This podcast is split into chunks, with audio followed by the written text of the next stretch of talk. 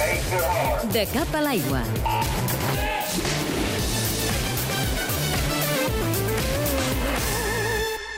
La nova direcció tècnica de la natació sincronitzada estatal comença a treballar aquesta mateixa setmana. L'escenari és el mateix, el Centre del Rendiment de Sant Cugat del Vallès, però no l'organigrama tècnic.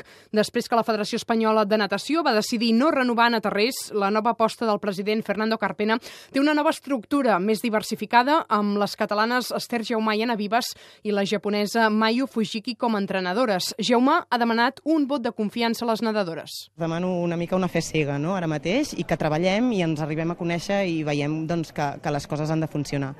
I les vaig veure en aquest aspecte encantades, supercol·laboradores i jo contentíssima.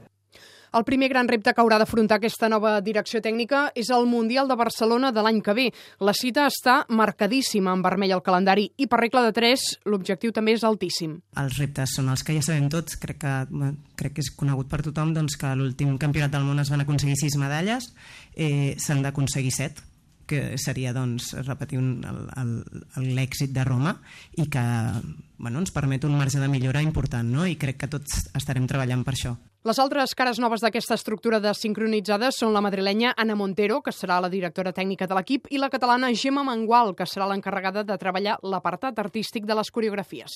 Faré aportacions, eh, tot el que jo cregui que puc aportar, tema artístic i tema tècnic. I jo o sigui, fa un any que he estat a l'aigua no? i llavors tinc moltes sensacions encara recents. No? Jo crec que, que el poc que pugui aportar pot ser, pot ser útil. No?